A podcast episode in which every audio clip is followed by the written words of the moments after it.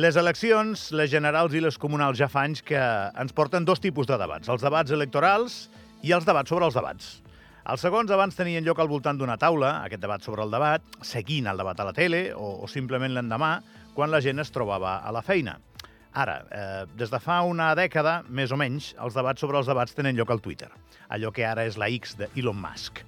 I hem de dir que si fem cas a l'arrencada d'aquesta campanya, la cosa ha començat xip-xap, una mica, una mica fluixeta, amb no massa activitat comparat amb altres convocatòries. Potser la gent està més cansada, potser el Twitter està una mica més cansat. I la gent al final es cansa de tot, de rajar també. Totes les activitats a la vida eh, es van desgastant. Eh? Un dels comentaris més habituals és el que critica els debats perquè tenen poca confrontació d'idees i massa monòleg. No, no els hi trec la raó als que diuen això, per bé que el d'Ordino d'ahir eh, va tenir bastanta confrontació. Eh? Potser tot plegat nosaltres mateixos, Ràdio i Televisió d'Andorra, estem tan pendents de preservar la igualtat d'oportunitats que mereixen tots els candidats que no pensem massa a vegades en el programa de ràdio i televisió que mereixen els ciutadans que posen la tele o la ràdio. Però bé, també és que la, la igualtat d'oportunitats és important, eh? Si el moderador busqués animar el tema i agitar les aigües, els debats igual serien més divertits, sens dubte, però premiaríem sempre qui millor sabés navegar en un mar mogut i potser no tant qui transmetés millor les seves idees, de manera més ordenada un altre debat sobre el debat. És el que té el que organitza el debat, que som, que som nosaltres. I ja us dic ara mateix que sempre estàs sotmès a la teoria de la manta. Si et tapes els peus, et destapes el cap i a l'inrevés. Sempre és el mateix, en comunicació. Eh?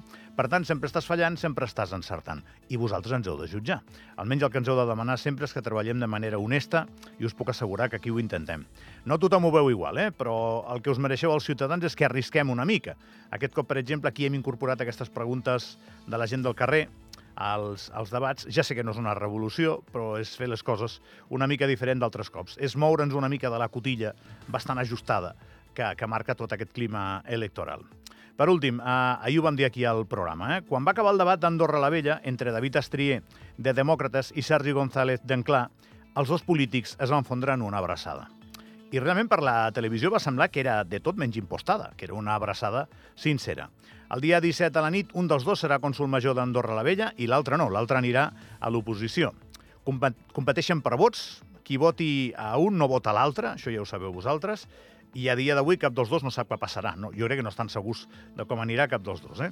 I durant el debat eh, han de mirar de fer-se una mica de mal, que per això estan els debats. I al final es fan una abraçada. Doncs què voleu que us digui? Ja sé que igual ens ho passaríem millor amb una mica més de show, però jo prefereixo aquesta manera de fer debats i política a l'andorrana. I per molts més anys.